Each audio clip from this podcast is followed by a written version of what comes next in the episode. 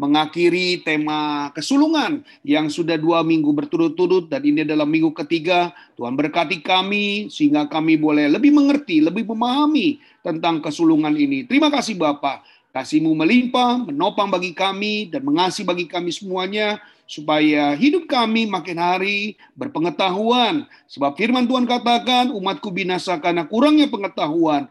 Tapi hari ini Tuhan, pengetahuanlah yang melengkapi kami untuk semakin yakin bahwa Tuhan adalah Tuhan Allah yang hidup, Tuhan adalah Allah yang selalu kami percayai, dan janjimu adalah janji yang pasti. Terima kasih Tuhan, kami serahkan waktu dan ruang kami ke dalam tanganmu Juminar ini dalam nama Yesus. Haleluya. Amin. Puji Tuhan. Selamat malam Bapak Ibu yang kasih dalam Tuhan, ya. Kalau kemarin kita sudah sempat panjang lebar membahas tentang kesulungan, maka nyata juga hari ini uh, dalam poin yang ketiga atau minggu yang ketiga kita akan mengakhiri tentang kesulungan ini akan lebih jelas lagi kepada tentang Yesus ya. Kenapa? Kalau Yesus sering disebut tentang anak yang sulung atau hak kesulungan juga berhubungan dengan anak sulung ya. Baik, nah kita akan lihat langsung saudara, ini adalah peristiwa di mana Yakub menjual atau Yakub menawarkan uh, semangkuk kacang merah kepada Esau dan sangat tertarik sekali Esau untuk mengambil atau memilikinya. Nah, kembali lagi, hak sulungan juga berbicara tentang berkat masa depan, ya. Jadi saudara-saudara hari ini yakin bahwa berkat masa depan itu ada di dalam kesulungan, ya. Kalau saudara mungkin kan tadi kemarin sempat ya saya bahas gimana tuh Pak Yoel kalau saya bukan anak yang sulung, saya anak nomor dua, anak nomor tiga. Nah kuncinya adalah sekali lagi kuncinya adalah kedekatan keakraban saudara dengan Tuhan itu pun juga menghadirkan kesulungan buat saudara. Amin ya. Jadi Bapak Ibu jangan merasa kalau saya anak wanita gimana dengan hubungannya berarti kok Alkitab ego banget ya egois, hanya berbicara pada pria, berarti kalau wanita tidak punya hak, berarti wanita itu sia-sia dong saat ini beribadah. Nah, kalau saudara berpikir yang seperti itu, saudara akan meyakinkan bahwa Allah itu jadi tidak adil. Allah tetap adil ya. Jadi kita harus ambil hikmatnya dulu ya ceritanya dulu supaya saudara nanti bisa memahami. Nah, dapat kita lihat dari kehidupan Yakub di mana Yakub memahami pentingnya hak kesulungan bagi kehidupannya. Ketika dia mendapatkan hak kesulungan itu dari Esau, maka dia memperoleh berkat yang luar biasa dari Ishak. Ya, Kejadian 27 27 ayat 29. Jadi apa sih yang sudah pikirkan? Apakah waktu berangkat saja, waktu ketakutan aja Yakub nggak bawa apa-apa? Yakub hanya bawa baju yang ada di apa di tubuhnya. Dia karena ketakutan, waktu malam dipanggil ibunya, ibunya menyuruh Yakub lari dan pergi ke rumah pamannya. Dan Yakub nggak sempat bawa kereta kuda yang membawa upeti-upeti atau emas, ya tidak sama sekali. Dia justru lari, ya dia lari. Sudah bisa bayangkan lari tanpa ada beban. Mungkin hanya sedikit uang yang dibawa oleh Yakub pada saat itu. Tetapi kenapa? Kok Yakub sepertinya mendapatkan hal yang luar biasa? Nah, Inilah yang membuat kalau saya lihat inilah yang membuat bagaimana Esau tidak terlalu apa ya bernafsu untuk mengejar Yakub pada saat itu. Karena dia pikir Yakub sudah meninggalkan. Tetapi apa? Nah inilah yang sudah bisa aminkan bahwa Ishak memberkati dengan doanya ya. Dengan doa keputusannya dengan telah memberkati saudara Yakub dibandingkan saudara Esau Nah inilah yang membuat uh, urapan Allah turun atas Yakub pada saat itu lebih berlimpah. Yang pertama diberikan oleh Ishak. Jadi ini bukan seperti uang dalam bentuk materi ya, emas perak, bukan dalam bentuk kertas yang ada segelnya, enggak. Ya, jadi sudah mungkin kemarin ada yang sempat bingung, kenapa kok sepertinya ini diperbutkan dan kenapa kok sepertinya ini menjadi luar biasa. Karena hak kesulungan Anda dalam bentuk doa Ishak pada saat itu. Ya, ketika berkat yang seharusnya menjadi milik Esau diberikan ke Yakub oleh Ishak, maka yang tersisa adalah kutuk yang bisa diberikan oleh Ishak ke Esau. Ya, ini bisa kita lihat. Coba saudara Charles bisa bantu saya 27 ayat yang ke, ke 30 saja. 30 sampai 40. Saudara Charles bisa bantu saya baca Kejadian pasal 27 ayat 30 sampai 40. Saudara bisa sama-sama buka Alkitab Saudara untuk uh, kita menyimak ya. Kejadian pasal 27. Sudah ketemu? Ya, kejadian pasal 27 Kejadian pasal 27 ayat 30 sampai 40. Saudara Charles bisa? Oke, belum ketemu.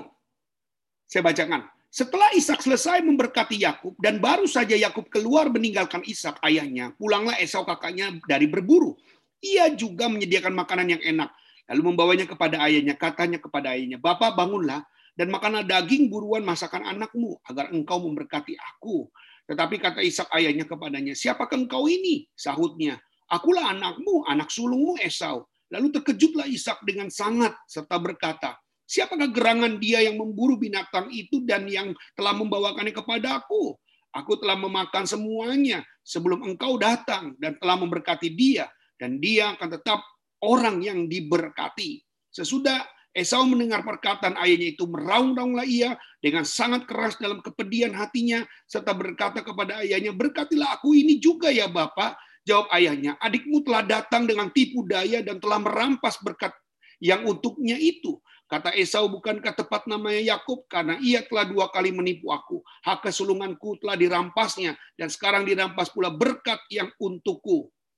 Lalu katanya, apakah Bapak tidak mempunyai berkat lain bagiku? Lalu Ishak menjawab Esau katanya, sesungguhnya telah kuangkat dia menjadi tuan atas engkau, dan segala saudara telah kuberikan kepadanya menjadi hambanya, dan telah kubekali dia dengan gandum dan anggur, maka kepadamu apa lagi yang dapat kuperbuat, ya anakku? Kata Esau kepada ayahnya, hanya berkat yang satu itulah yang ada padamu, ya Bapak.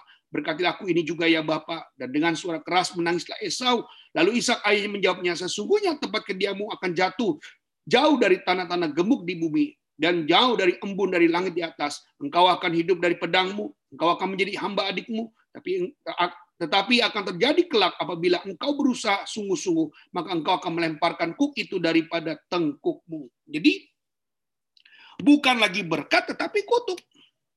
Menjadi hamba daripada adiknya ya, menjadi yang mungkin menjadi apa dikatakan uh, harus berusaha lebih sungguh-sungguh dan tanda gemuknya jauh daripada dia dan jauh juga dari hujan. Nah, ini apa yang diterima oleh Esau tidak sebanding dengan apa yang diterima oleh uh, Yakub pada saat itu.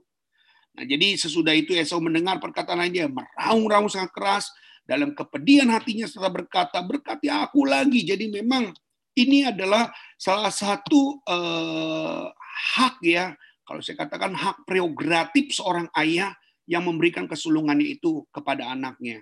Jadi kalau saudara lihat di situ memang terjadi sesuatu yang sangat-sangat dramatisir luar biasa ya kejadian yang sangat luar biasa dan kita percaya saudara dan saya juga bisa mengerti. Nah, alasan mengapa anak sulung disebut sebagai permulaan kegagahan dan kekuatan. Tadi kemarin kita sempat berulang-ulang kali ya membahas bahwa hak kesulungan adalah hak permulaan, hak kegagahan, hak kekuatan ya di mana mereka mendapatkan hak itu semua sebagai sebuah uh, kebanggaan ya. Merupakan ekspresi kesukacitaan karena memiliki keturunan terlebih lagi karena laki-laki. Kain adalah anak sulung pertama. Ketika melahirkan anak perempuan, Hawa bersuka dan memberi nama Kain.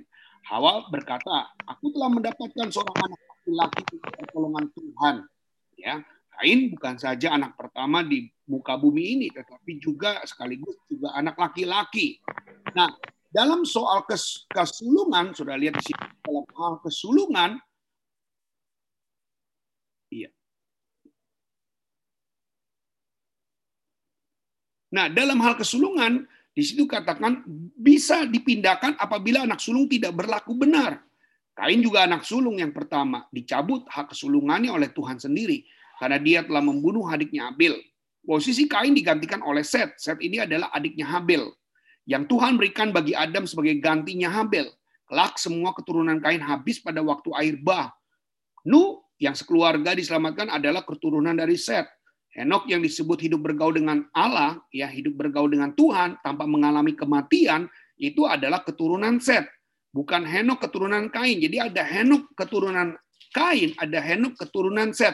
Nah, sudah jadi mesti memperhatikan ya memang di Alkitab itu ada banyak nama Yakobus ya, Yakobus siapa? Ada banyak nama Matius, Matius siapa? Ada banyak nama Sakius, ada nama Yudas. Nah, ada banyak nama-nama. Tapi memang kita harus lihat silsilahnya. Ya, kesamaan nama kadang-kadang membuat kita salah pengertian ya.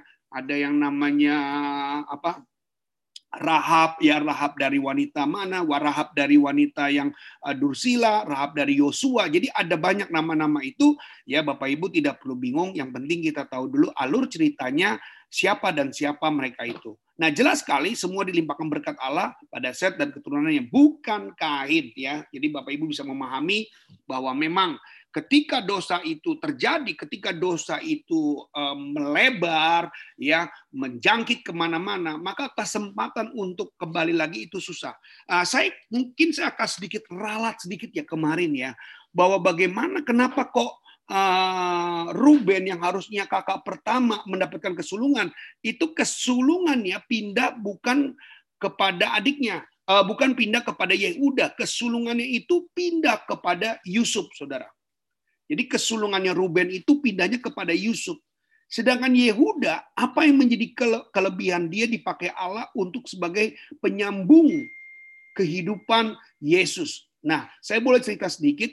Jadi Yehuda ini dilihatlah pribadi yang bukan melarang ya, bukan yang melarang pada saat itu Ruben. Tadi ada kesalahan sedikit saya katakan bahwa Ruben memang menginginkan Yusuf tetap ada dalam Uh, sumur mati atau sumur kering. Tapi justru Yehudalah yang menginginkan supaya uh, tidak ada pembunuhan kepada saudara-saudaranya. Jadi yang membebaskan uh, Yusuf pada saat itu bukan Ruben, tapi Yehuda. Nah, dari hal yang dilakukan oleh Yehuda inilah yang menjadi perhitungan Allah untuk menjadikan Yehuda itu sebagai garis penerus Yesus. Jadi saudara mungkin kemarin agak sempat, sempat bingung ya, kenapa kok Yehuda, kok apa kelebihan Yehuda sehingga dia dijadikan sebagai uh, silsilah keturunan Yesus. Ya, jadi memang karena Allah melihat hati yang dimiliki oleh Yehuda yang menyelamatkan Yusuf dari kematian. Jadi itu ya. Jadi kenapa Ruben ditarik? Karena Ruben tadi kemarin sudah saya katakan dia berselingkuh dengan istri bapaknya sendiri sehingga dia tertolak. Sampai keturunan Ruben itu dia tidak mendapatkan apa-apa karena memang ya itu dia kesalahan yang dia buat. Jadi kesulungannya Ruben bukan berpindah kepada Yehuda, tapi berpindah kepada Yusuf. Dan kelebihan Yehuda kenapa dia dipilih menjadi garis keturunan Yesus karena dia adalah orang yang tidak setuju kalau Yusuf dibunuh. Dia tidak mau Yusuf itu mati. Jadi memang kakak-kakaknya pada saat itu ya menginginkan uh, Yusuf harus dikorbankan. Dampaknya apa? Pada saat pulang, Yehuda itu tidak ikut pulang. Dia justru justru pergi ke kota Adulam. Nah, kota Adulam ini adalah kota perlindungan. Ya, dia sempat tinggal dengan seorang yang bernama Nira, ya. Keluarga Nira inilah yang sempat menampung Yehuda untuk sementara waktu menenangkan diri di mana Yusuf yang harusnya kembali ke keluarganya dijual karena ketidaksukaan daripada saudara-saudaranya Yehuda pada saat itu. Jadi memang betul-betul ceritanya panjang, tapi saya sempat membongkar dulu karena memang sempat membuat saya juga sedikit bingung ya, kenapa kok lari ke Yehuda? Ternyata memang Yehuda diselidiki dia adalah pribadi yang tidak setuju Yusuf dibunuh.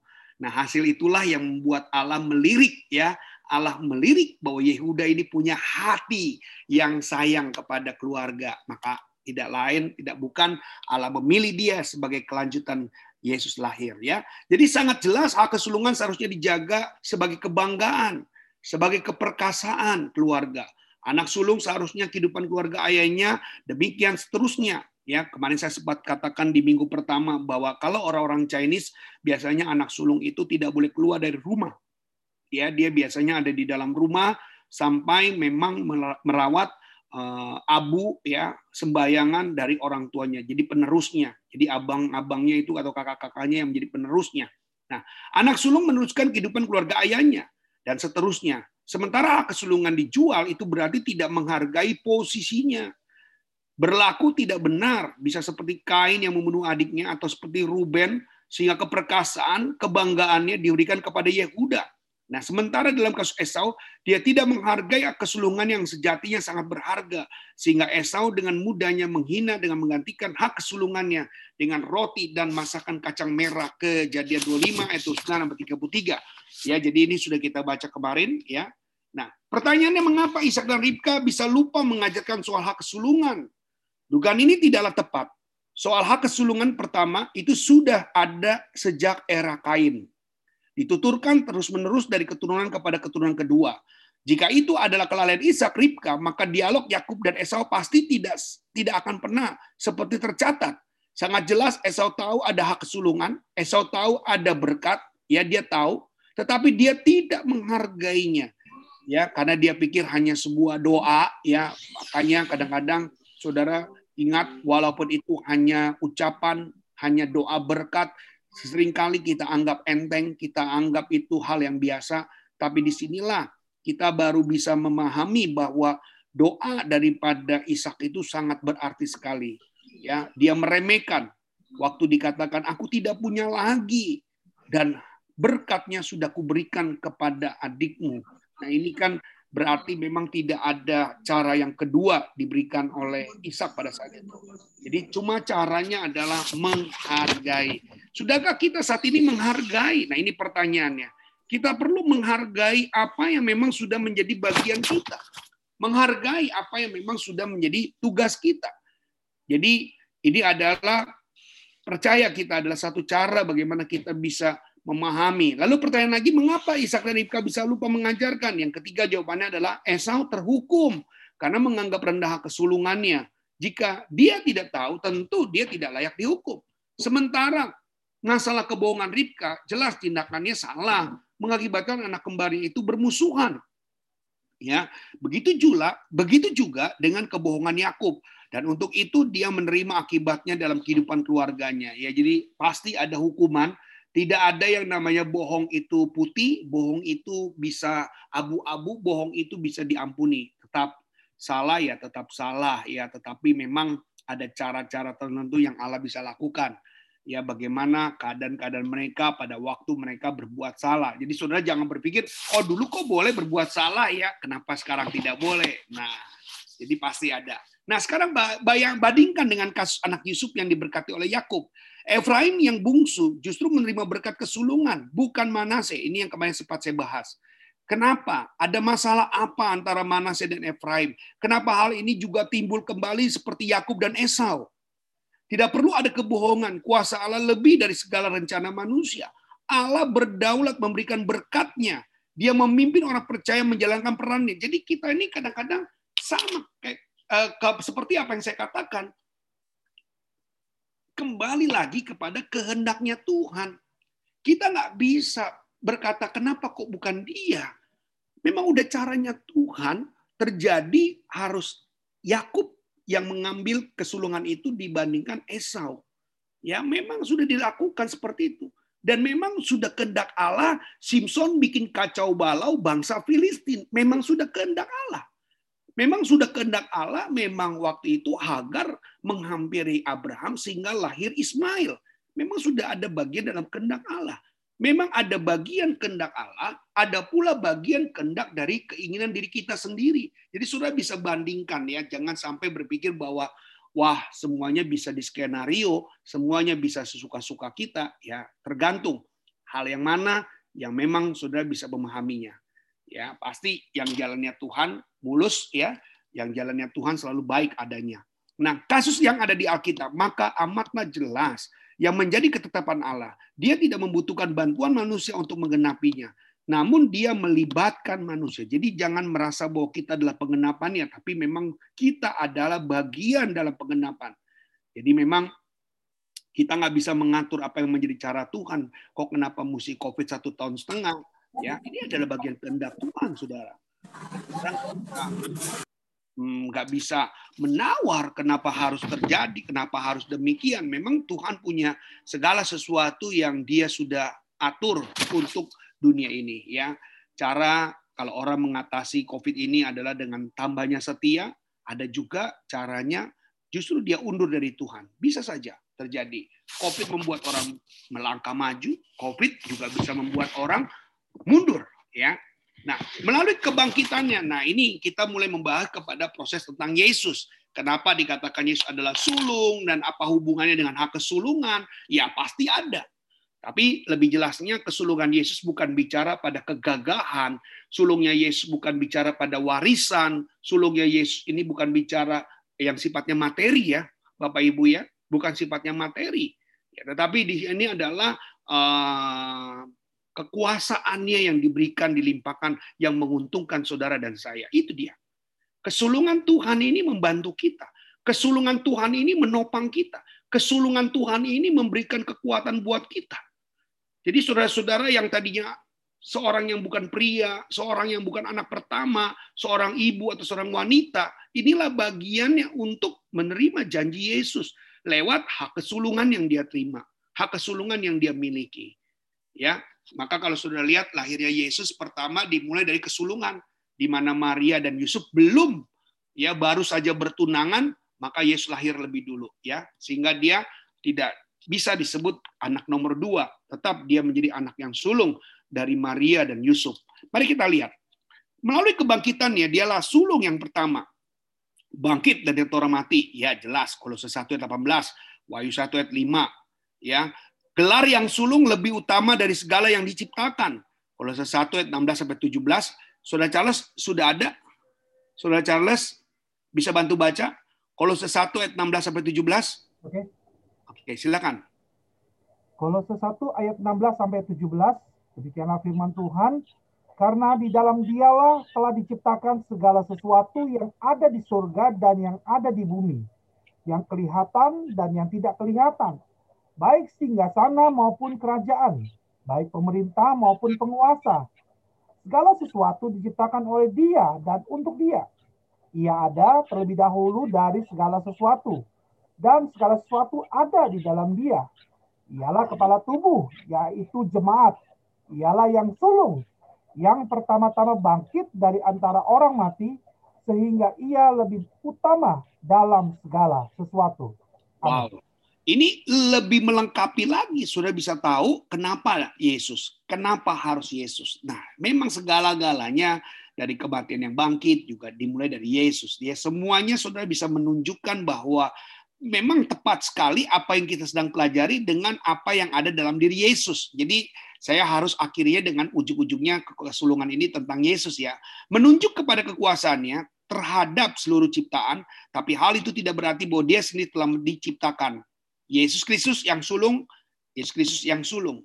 Yesus anaknya yang sulung, Yesus Kristus yang sulung. Memahami dan menafsirkan ucapan Paulus yang sulit Permulaan dari ciptaan Allah dipermulakan dari ciptaan Allah. Jadi memang ini udah bagiannya.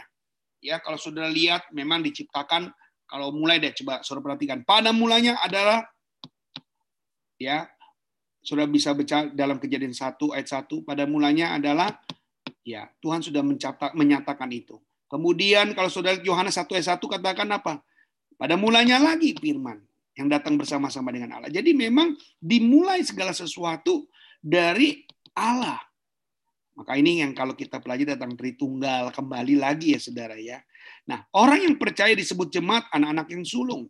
Sebab mereka menerima hak istimewa yang lebih dari semua orang lain. Serentak Kristus, anak sulung dari Bapaknya yang di sorga, menduduki martabat tertinggi di antara banyak orang saudara di bumi ini yang mempunyai kekuasaan penuh terhadap mereka. Jadi memang saudara adalah adalah orang-orang yang paling beruntung ya supaya saudara bisa memahami bagaimana saudara menjadi orang-orang yang sudah ya yang telah diangkat, yang telah dibaharui oleh kuasa Tuhan, yang telah dimenangkan. Nah, kalimat menjadi sulung di antara banyak saudara artinya Yesus telah memulai yang berimplikasi kepada semua orang yang percaya kepadanya. Harus juga mengikuti jejaknya. Ya, jadi ingat, harus mengikuti jejaknya. Orang percaya harus memiliki pikiran dan perasaan Kristus semua orang yang berkesempatan mendengar Injil yang benar dan memiliki potensi untuk merespon berita keselamatan mencapai standar kehidupan seperti yang dicapai oleh Yesus dan orang percaya ditentukan untuk memiliki standar serupa yang dikatakan demut ya rupa dengan Yesus yang sempurna seperti Bapa. Jadi memang eh, kalau saudara perhatikan kesulungan Yesus ini mempermudah kita dengan memiliki potensi, dengan memiliki respon Injil yang benar dan perasaan pikiran seperti Kristus, ini yang membuat saudara semakin mudah untuk menjadi atau menerima kesulungan itu. Jadi saudara-saudara kan kembali lagi, kalau kita tertolak untuk menerima kesulungan, kalau kita sudah berbuat kriminal, Ketika kriminal itu kita lakukan, maka dengan seterusnya kesulungan itu tidak bisa lagi berbalik. Untung kita nggak mengalami yang seperti itu. Di sini kalau kita mundur maju ikut Tuhan, itu artinya kesulungan itu udah cepat langsung lepas. Kesulungan Kain hanya membunuh saja selesai. Kesulungannya Ruben karena dia berselingkuh dengan istri ayahnya saja selesai. Ya, Esau dengan menjual kesulungan aja udah selesai. Bahkan dikatakan Esau menangis meraung-raung untuk menerima kesulungannya kembali. Gak bisa. Kalau sekarang, untuk memiliki pikiran perasaan Kristus, kita udah sering kali bulak-balik. Mungkin kita uh, berselingkuh. ya Kita tidak setia dengan perasaan dan pikiran Kristus. Kita diharuskan memiliki potensi, kadang-kadang kita justru melempem kita harus merespon, kadang-kadang kita kagak respon. Kita apatis dengan kuasa Tuhan dan kasih Tuhan. Tapi ingat, saudara-saudara masih tetap ada dalam standarnya Tuhan, saudara masih ada dalam hatinya Tuhan, saudara masih ada dalam pikirannya Tuhan. Jadi apa? Beruntung? Iya. Itulah enaknya kita jadi orang percaya. Terus menerus dapat keberuntungan. Dulu orang salah langsung tidak lagi mendapatkan apa saja yang mereka ingin dapatkan itu ditolaknya. Tapi kita bersyukur lagi, bersyukur lagi. Ya itulah keuntungan kita jadi orang Kristen kadang-kadang banyak untungnya ya. Sanat ini tidak boleh turunkan, harus dipahami bahwa memang sejak semula Allah menghendaki manusia keadaannya seperti putra tunggalnya yang kudus, bisa dimengerti kalau sejak penciptaan memang putra tunggalnya adalah yang sulung, tentu saja kesulungan Yesus bukan karena sebuah kecelakaan. Karena manusia jatuh ke dalam dosa, kemudian anak tunggal Bapa harus menyelamatkannya. Sehingga anak tunggal Bapa harus menjadi manusia dengan mengosongkan dirinya menjadi manusia. Dalam segala hal ia disamakan dengan manusia. Tetapi karena memang sejak semula Allah Bapa menempatkan anak tunggalnya sebagai yang sulung. Jadi apa saja orang lakukan buat dia, bukan berarti dia turun uh, prestisnya turun derajatnya. Enggak. Justru dia menghambakan, dia menjadi hamba. Bahkan kalau ya saya katakan wajahnya pun tidak terlihat lagi seperti manusia. Jadi karena pengorbanan-pengorbanan dia. Dia lakukan itu. Jadi kan saya katakan kembali, kalau untuk bikin sekedar bikin mujizat, Buddha bagi Allah. Hanya mengubah air menjadi air anggur, gampang. Untuk membangunkan pemuda di Nain, gampang untuk memberi makan 5.000 orang dengan hanya lima ketur roti, dua ekor ikan, gampang. Untuk memberikan kesempatan murid-muridnya menangkap ikan 153 ekor, gampang. Tapi untuk menyelamatkan saudara, dia harus mati di kayu salib. Segala mujizat dia mudah untuk bisa lakukan. Tapi untuk melakukan penyelamatan saudara, dia harus tergantung di kayu salib. Ini bukankah membuat saudara spesial? Bukankah membuat saudara sangat hebat? Yuk kita baca sama-sama. Menjual hak kesulungan berarti menukar Yesus dalam hidup kita. Menjual dengan cara apa tadi? Tidak mengikuti perintahnya, tidak respon, ya tidak hidup benar, tidak hidup kudus, tidak hidup sungguh-sungguh, tidak hidup serius, itu sama saja menjual. Ya. Tukar. Hal ini serupa dengan ujian pertama Yesus di padang gurun. Ya. Seluruh keinginan jiwa diuji, keinginan daging diuji, keinginan hati pun diuji oleh iblis pada waktu Yesus di padang gurun. Nah, bagaimana dengan saudara? Ketika saudara tidak setia dan saudara berpaling dengan ilah-ilah lain, saudara berpaling dengan roh-roh lain, saudara berpaling dengan pesugihan, ya, saudara berpaling dengan paranormal, ya, berarti saudara sedang menjual hak kesulungan saudara menjual kesulungan adalah menukar Yesus. Jadi saudara ingat, jangan pernah lakukan itu. Nah kembali lagi, dalam Kolose 1:15 Alkitab menulis ia adalah gambar Allah yang tidak kelihatan, yang sulung, lebih utama dari segala yang diciptakan. Tadi sudah kita baca ya tadi ya. Yesus adalah gambar Allah yang tidak kelihatan. Hal ini menunjukkan bahwa Adam diciptakan menurut gambar anak tunggal secara fisik. Dikatakan bahwa anak tunggal Bapa adalah yang sulung. Kata sulung dalam teks aslinya disebut menggunakan kata prototokos. seperti yang terdapat dalam Roma 8:29. Saudara-saudara sebelum saya baca Roma 8 ayat 29. Ya, Roma 8 ayat 29. Sebab semua orang yang dipilihnya dari semula, mereka juga ditentukannya dari semula untuk menjadi serupa dengan gambaran anaknya. Supaya ia, anaknya itu, menjadi yang sulung di antara banyak saudara. Amin. Wow. Ya, saudara lihat bahwa ayat ini mengingatkan kembali ya bahwa kita tadi katakan menggunakan kata prototokos itu artinya sulung saudara ya. Jadi sesuatu yang memang yang utama. Yesus lebih berharga. Yesus itu lebih penting ya dari semua ya. Semua yang diciptakan Bapa ya Yesus adalah yang terpenting. Tuhan Yesus itu logosnya. Bapa itu adalah teosnya seperti yang tertulis dalam Yohanes 1 ayat 1 sampai 3 bisa sekali lagi baca Yohanes pasal 1 ayat 1 sampai 3. Ya, Yohanes 1 ayat 1 sampai 3 pada mulanya adalah firman. Firman. Firman itu bersama-sama dengan Allah. Iya. Dan firman itu adalah Allah. Firman itu adalah Allah. Terus? Ya, pada mulanya bersama-sama dengan Allah. Segala sesuatu dijadikan oleh dia. Dan tanpa dia tidak ada sesuatu pun yang telah jadi dari segala yang telah dijadikan. Amin. Wow, ini menarik sekali ya.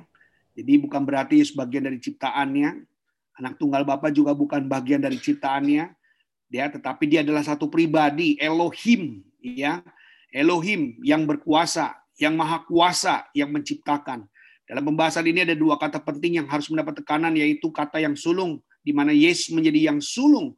Artinya dia sudah memulai dan berhasil dalam Ibrani 7:9 tertulis dalam hidupnya sebagai manusia ia telah mempersembahkan doa dan permohonan, permohonan dengan ratap tangis dan keluhan kepada Dia yang sanggup menyelamatkannya dari maut dan karena kesalehannya ia telah didengarkannya. Jadi memang saudara dan saya kita adalah orang-orang yang sebenarnya paling beruntung bisa mengalami apa yang menjadi bagian dalam rencana Tuhan untuk kehidupan kita.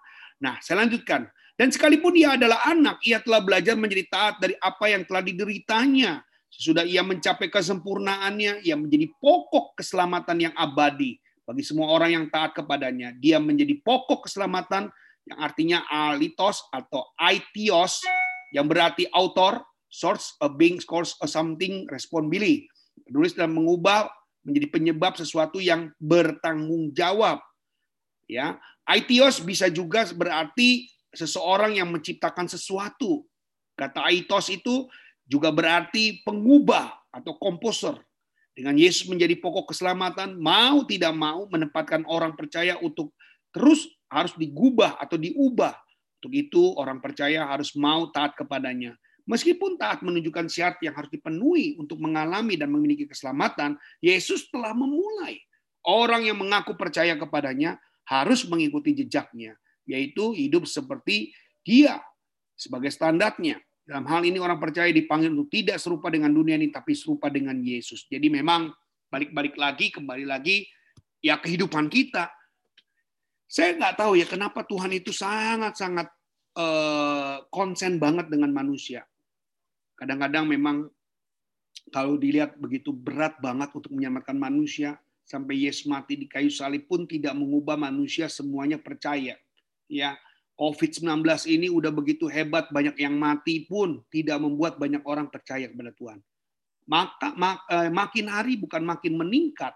Ya lihat aja, yang cari Tuhan, ya ada yang memang sudah dapat kesembuhan dari Tuhan, tapi bukan berarti tambah setia loh. Saudara perhatikan baik-baik. Ternyata memang eh, daya tarik untuk menjadi eh, murid Tuhan, menjadi pengikut Tuhan itu ya saudara bisa lihat sendiri deh. Saya tidak bisa menghakimi ya, tapi saudara lihat sendiri kesungguhannya juga yang mau setia, yang mau belajar nggak banyak ya. Itu pun ya makanya saya katakan itu pun harus dengan satu dorongan-dorongan dari hati saudara. Mau belajar nggak mau belajar itu dari hati panggilannya. Maka kalau orang yang kadang-kadang punya waktu tapi tidak ada kesempatan yang seperti ini, ya waktunya dibuang dengan percuma, yang sebenarnya bisa kita lakukan dengan duduk diam, mendengarkan isi firman. Apa sih yang Tuhan mau tentang hak kesulungan ini? Kalau kita yang ikut, puji Tuhan ya, sudah bisa mendengarkan ya. tapi yang punya waktu daripada dia main, daripada dia nonton, daripada dia apa. Ada lebih baiknya setiap Senin dengarkan uh, seminar ini supaya memahami. Ternyata hal itu juga Yesus alami seperti apa yang kita alami. Ya, kenapa sih orang lihat kuasa Tuhan itu tidak langsung membuat orang jadi setia, membuat orang tambah hari tambah sungguh-sungguh. Enggak. Ya, yang ada mereka mungkin berhitungan dengan waktu mereka, memperhitungkan semua apa yang dia sudah kerjakan bagi Tuhan. Kadang-kadang dia bilang, Tuhan, kan saya udah capek, minggu udah pelayanan. Padahal banyak waktu kita masih bisa gunakan untuk cari Tuhan, saudara. Banyak waktu. ya. So, kalau mau dibilang capek, mas saya juga capek. Semua juga capek, saudara. Semua juga capek. Saya harus siapin bahan, ya, habis bahan habis, ya, mungkin yang dengar hanya 20 orang, 30 orang, tapi kan saya merasa sudah menyampaikan pesan Tuhan. Saya sudah menyampaikan apa yang Tuhan punya mau. Ini loh, saya nggak keluar dari Alkitab, apa yang saya bahas semua dari Alkitab, dan semua jelas Alkitab katakan. Jadi bukan bisa-bisaan saya, saya hanya menyampaikan, saya hanya jubir juru bicara saja. Yang jelas saudara jadi paham saja. Saya ngumpulin bahannya, dan saudara belajar. Itu sebenarnya gunanya kita mengikuti uh, acara pada hari ini. Dan jadi itu nggak gampang. Bagaimana kita suruh dia ngajar, bagaimana kalau dia suruh siapin bahan, belum tentu saudara. Ya nggak gampang bikin bahan-bahan seperti ini. Ya maka saudara bersyukur kalau kita yang belum pernah kita ada model-model seperti ini kita ikuti. Gunanya untuk apa sih? Untuk memperdalam pengetahuan kita tentang Tuhan. Ya, ini yang harus kita pahami Bapak Ibu yang kasih dalam Tuhan. Nah, kembali lagi, kitab suci mengatakan orang pertama itu Adam membawa kematian ke dalam dunia. Tapi Adam yang kedua dan atau Adam yang terakhir yaitu Yesus Kristus membawa hidup ke dalam dunia. Ini pembandingannya. Kalau Adam bawa kematian, Yesus membawa hidup. Adam yang pertama diciptakan sedang Adam kedua menciptakan. Adam pertama tidak taat, Adam kedua taat. Adam yang pertama berdosa, Adam yang kedua menolak dosa. Adam pertama melanggar Tuhan, Adam kedua membawa manusia kembali kepada Tuhan. Adam pertama masuk dalam kematian, Adam kedua membawa manusia keluar dari kematian dan memberi hidup yang baru. Adam pertama menjadi manusia yang hidup dan manusia kedua menjadi roh yang menghidupkan manusia. Ini yang disebut buah kesulungan. Saudara-saudara kita jujur saya katakan pengenalan saudara kepada Tuhan itu membawa hal yang luar biasa. 180 derajat. Saudara perhatikan saja.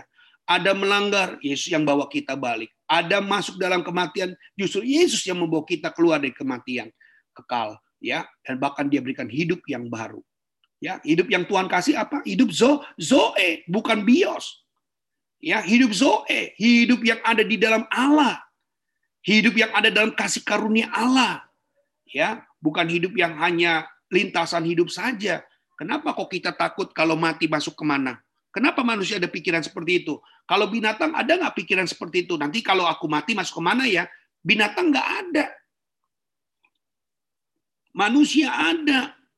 Ya, kemarin saya sempat ter, apa tergusik hati saya ketika diceritakan ketika pesawat atau kapal Nenggala 402 itu ada di dasar laut ya dan pasti setelah 72 jam listrik lampu yang ada di kapal laut itu mati semuanya persediaan bahan bakar akan habis karena tiga hari berturut-turut dan mereka tidak pernah uh, naik ke permukaan dan waktu gelap itu terjadi mereka udah berpikir mereka nggak bisa bebas. Mereka berpikir nggak ada yang namanya pintu darurat seperti pesawat terbang, nggak ada. Pintunya cuma satu. Sudah perhatikan baik-baik. Nenggala 402 itu pintunya cuma satu. Dan dengan tekanan air yang begitu berat, pintu nggak bisa dibuka. Itu pintu nggak bisa dibuka karena memang harus memiliki kekedapan air yang sangat minim sekali. Tidak boleh ada air yang masuk. Apa harapan mereka? 53 orang itu harapannya apa? Untuk hidup kan nggak ada lagi.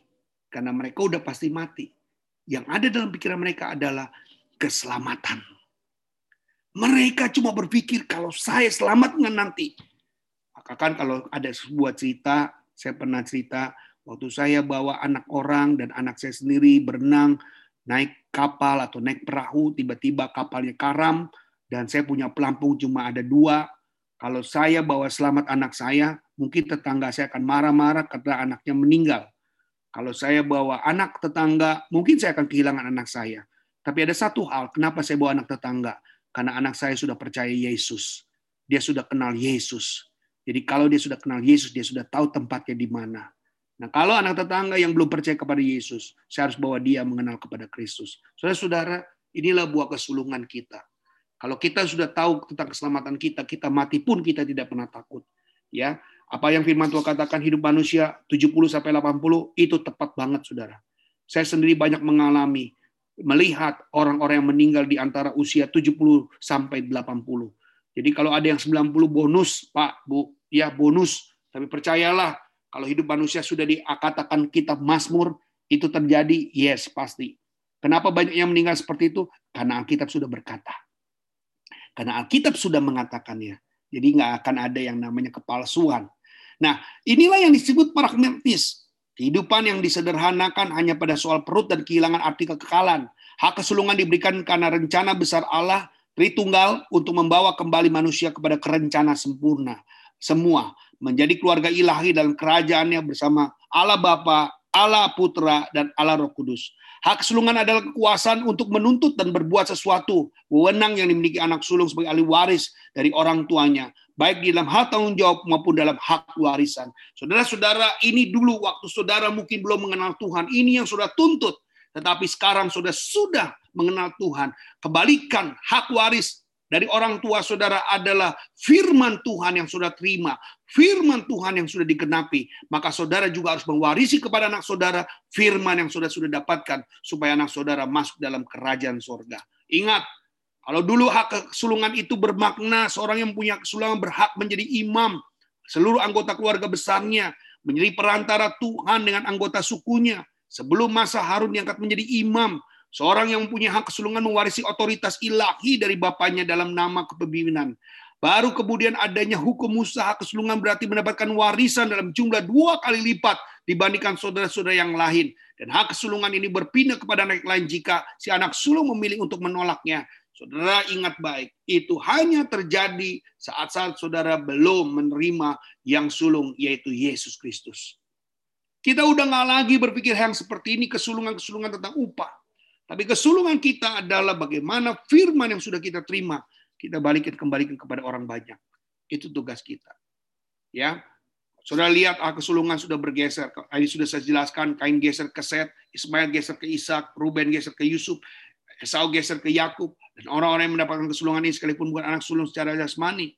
Berkat Yakub yang kesulungan itu berpindah kepada Ruben, yaitu kepada Yusuf. Jadi saudara-saudara jelas sudah ada penyampaian-penyampaian hal seperti ini yang mengingatkan kembali kita sebagai orang-orang kepercayaan Tuhan. Sebagai orang Kristen kita juga punya hak sebagai anak Allah dan ahli waris kerajaannya. Yakobus 2 ayat 5, Saudara Charles bisa bantu saya baca. Yakobus 2 ayat 5. Pak Samuel bisa bantu saya Roma 8 ayat 17. Pak Joy bisa bantu saya Yohanes 1 ayat 12. Haleluya. Biar cepat ya. Silakan. Saudara Charles Yakobus 2 ayat 5, Pasam Roma 8 17, Pak Joy Yohanes 1 ayat 12. Ya, Yakobus 2 ayat kelima, dengarkanlah hai saudara-saudara yang kekasih, yang kukasihi, bukankah Allah memilih orang-orang yang dianggap miskin oleh dunia ini untuk menjadi kaya dalam iman dan menjadi ahli waris kerajaan yang telah dijanjikannya kepada barang siapa yang mengasihi dia. Amin. Silakan Pak Sam. Roma 8 ayat yang ke-17 dan jika kita adalah anak maka kita juga adalah ahli waris. Maksudnya orang-orang yang berhak menerima janji-janji Allah yang akan menerimanya bersama-sama dengan Kristus. Yaitu jika kita menderita bersama-sama dengan dia, supaya kita juga dipermuliakan bersama-sama dengan dia. Iya, Yohanes 1 ayat 12. Ya, Yohanes 1 ayat 12. tetapi semua orang yang menerimanya diberinya kuasa supaya menjadi anak-anak Allah, yaitu mereka yang percaya dalam namanya. Wah, luar biasa. Jadi inilah yang membuat kita jadi percaya tentang kesulungan lagi, saudara. Jadi kesulungan ini tidak lagi ada anak pertama, kesulungan ini kepada yang wanita bagaimana. Kemarin sempat ibu-ibu bilang, aduh dengar ini kayaknya sedih banget kenapa jadi anak perempuan ya. Ternyata saudara, terakhir kita belajar, kita terbuka semuanya. Karena yang terpenting adalah menerima kesulungan Kristus, lalu kita menjadi ahli warisnya. Itu yang paling luar biasa. Kesulungan yang tidak akan pernah habis, Pak, Bu. Warisan yang tidak akan pernah habis yang tidak kena yang namanya panas, ngengat, karat, tidak akan pernah mengikis warisan Yesus. Warisan Yesus berikan adalah kehormatan kepercayaan. Ya, bahkan dia katakan dia jadikan dirinya menjadi juru selamat buat saudara. Masakan saudara tidak ada reaksi sih ketika untuk menyelamatkan saudara dia harus tergantung di kayu salib. Apa reaksi kita? Atau biasa saja? Kalau ada orang yang mati buat saudara, lalu saudara biasa-biasa saja. Kalau saya nggak mau jadi orang yang li boceng ya, boceng li. Saya mau jadi orang yang tahu diri. Kalau ada orang yang mati di kayu salib untuk menebus dosa saya yang besar ini, ternyata saya harus mengembalikan dengan ucapan syukur dan pelayanan yang sungguh-sungguh kepada dia. Itu saja. Itu saja. Kalau orang tidak ada hitung-hitungan dengan Tuhan, adalah orang-orang yang tahu bagaimana dia harus bekerja dengan baik untuk kemuliaan Tuhan. Itu yang terpenting. Hak kesulungan bicara tentang perkara rohani. Banyak orang yang mengabaikan hal-hal yang rohani. Mereka lebih mengutamakan perkara duniawi. Ya tadi saya katakan uang, ya materi, kekayaan, duit, ya itu yang sering kali terpikir tentang hak sulungannya adalah hal-hal yang berhubungan dengan Tuhan, ya saudara. Orang yang lebih memperhatikan hal rohani biasanya memiliki kedekatan hubungan dengan Tuhan. Kita pun merupakan yang sulung dari semua ciptaan Tuhan. Oleh karena itu kita memiliki hak kesulungan secara rohani. Selain itu kita juga merupakan ahli waris dari tata kerajaan Allah. Karena kita adalah anak-anak Allah. Tadi sudah dibaca, hak kesulungan memiliki pengertian secara rohani. Seorang yang mempunyai hak kesulungan berarti berhak menjadi imam dari seluruh keluarganya. Menjadi perantara Tuhan dengan anggota keluarganya. Anak sulung memiliki posisi yang sangat penting di mata Tuhan. Bahkan anak sulung Tuhan nyatakan menjadi milik Tuhan. Amin. Saudara menjadi milik Tuhan. Mari kita baca sama-sama. Jangan biarkan berkat kesulungan membuat Anda bergantung. Berkat yang Anda terima seharusnya menumbuhkan rasa syukur dan membuat Anda bisa mengerjakan banyak hal yang Tuhan percayakan kepada Anda. Kita harus senantiasa menyadari bahwa berkat yang kita miliki merupakan anugerah Tuhan. Berkat yang ada Anda peroleh juga menjadi alat bagi Anda untuk bisa menjadi berkat bagi orang lain khususnya bagi keluarga Anda dan bagi orang-orang yang memiliki relasi dengan Anda. Haleluya. Jadi dampak keselamatan membuat saudara hidupnya diubah, sekeliling saudara diubah, memiliki roh kudus, dan iman saudara mengalahkan dunia. Wah, menarik sekali pelajaran kita hari ini. Eh, Bapak Ibu yang kasih dalam Tuhan, kita sudah melihat bagaimana rancangan rencana Allah yang terbesar dalam kehidupan kita, yang membuat kita semakin hari memahami dan mengerti tentang rencana dan maksud Tuhan. Haleluya, haleluya. Nah, Bapak Ibu yang kasih dalam Tuhan, sampai di sini ada yang mau bertanya? Pelajaran kita selesai, sehingga Bapak Ibu sudah tidak lagi khawatir tentang kesulungan ya. sudah terbuka akhirnya. Ya terakhir belajar kita, akhirnya kita sudah terbuka. Oh ternyata kesulungan bukan jadi anak laki yang pertama ya. Oh dibalik itu semuanya Tuhan sudah gantikan.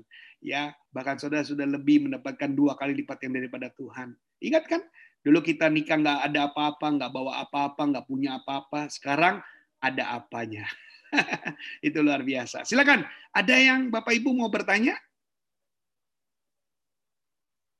Jadi hari ini yang ikut seminar ini adalah pribadi-pribadi yang sudah memperoleh hak kesulungan. Haleluya. Ya, Nggak ada yang bertanya? Cukup? Puji Tuhan. Kalau cukup, kasih jempol dong kalau cukup. Haleluya. Halo, hari ini. Oh ya. Uh, tentang kesulungan Pak. Ini ya. berhubungan dengan bangsa Israel. Apakah uh, bangsa Israel itu mereka menerima kesulungan? Karena mereka kan eh, bangsa yang Alkitab katakan bangsa yang tengkuk. Ya. Oke. Okay. Ya, itu saja. Ya, bangsa Israel memang dia bangsa yang tegar tengkuk, Pak Suwardi. Tapi hmm. bangsa Israel adalah satu-satunya bangsa yang memang menjadi kekasihnya Tuhan. Bangsa yang menjadi biji matanya Tuhan. Bangsa yang sudah dikutukin dengan berkat. Ya, jadi bukan lagi bangsa yang biasa-biasa. Bukankah waktu Bileam ketika dia mau mengutuki bangsa Israel yang keluar apa? Berkat. Ya, jadi barang siapa yang mengutuki bangsamu, dia akan dikutuk. Tapi barang siapa yang memberkati negerimu, kamu akan diberkati. Jadi memang pengecualian Pak untuk bangsa Israel tidak dalam kategori yang um, membandel itu. Yang membandel memang Allah udah kasih tahu juga. Mereka nggak masukkan tanah kanan Pak.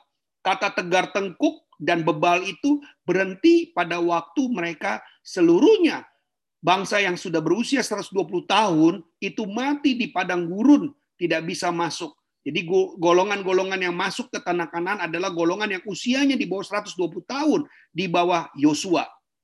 Jadi bangsa yang tegar tengkuk itu semua mati di padang gurun semuanya, Pak. Jadi Allah nggak akan pernah melibatkan orang yang nggak salah jadi salah, ikut salah karena orang lain, Pak. Itu Allah kita, Pak. Dia Allah yang adil, Pak. Jadi kesalahan nenek moyang tidak dilimpahkan kepada anak cucu, Pak. Jadi pada saat itu yang tegar tengkuk, sebutan kata tegar tengkuk itu waktu mereka masih ada di uh, Gunung Sinai, waktu dalam perjalanan bangsa Israel ke Laut Teberau, Laut Mati, ya pada waktu dia berjalan dengan awan, tiang awan, tiang api, di situ Pak, ketegar tengkukan bangsa Israel itu luar biasa. Menyembah lembu emas, anak lembu emas, itu yang membuat bangsa Israel tegar tengkuk. Tetapi ketika dia sudah masuk di tangan Yosua, itu jauh berbeda, Pak Bahkan Yosua melakukan uh, pada waktu Yosua bawa bangsa Israel, seluruh bangsa Israel disunat, Pak. Disunatin ya di Gilgal. Di sebuah gunung batu yang namanya Gilgal, itu bangsa Israel semua disunat. Tandanya apa? Mereka sudah mengakhiri hidup lama dan ikut kepada Yesus. Waduh, itu Yosua luar biasa, Pak. Maka berkat Yosua itu dahsyat banget. 12 suku Israel yang terhilang dikumpulkan kembali, Pak. 12 suku Israel, Pak, yang kotanya terpencar-becar waktu dulu, dikacau balaukan. Di tangan Yosua itu kembali semua. Karena apa? Karena Yosua nggak ada lagi bangsa yang tegar tengkuk pada saat itu. Jadi harus dibandingkan, Pak, membandingkan firman Tuhan yang tegar tengkuk itu bukan di tangan Yosua, tapi sesaat di tangannya Musa. Ada Korah, ada Dotan, ya ada Abiram. Nah itu tokoh-tokoh yang membangkang kepada Musa pada waktu itu, Pak. Sehingga tegar tengkuk itu terucap. Oke, ada lagi Pak Suwardi? Ya, udah paham Pak. Paham ya? ya. memang itu sejarah Pak. Kalau sejarah memang uh, mesti agak sedikit paham supaya kita bisa menjelaskannya. Ya, di mana kata tegar tengkuknya harus ditempatkan dulu. Jadi nggak selalu mengikuti bersinambung terus-terusan tegar tengkuk. Oke, okay. ada Bapak Ibu lagi? Senang hari ini? Saya nggak ngeliat mukanya nih. Kasih jempolnya dong, saya mau tahu nih. Iya, takutnya semuanya ditinggal makan, tinggal pergi. Oke, okay, yes, puji Tuhan. Haleluya. Puji Tuhan. Baik, kita tutup dalam doa. Amin. Puji Tuhan. Luar biasa. Tuhan baik ya, Tuhan baik buat kita semuanya. Tuhan baik. Oke, kita tutup dalam doa. Nanti saya minta Saudara Charles berdoa untuk hari ini. Oke, minggu depan kita akan belajar tentang karunia. Ada 13 karunia. Wah, saudara pasti mau belajar tentang karunia-karunia ya. Ini cukup banyak, eh, cukup panjang, cukup banyak ya. Tapi ya sabar-sabar aja nggak apa-apa karena ini adalah pas hari Pentakosta. Mungkin ada sebagian minggu yang masih bisa kita pakai untuk membahas tentang karunia. Tapi ada minggu yang kita gabung untuk ikut doa bersama-sama Pentakosta ya.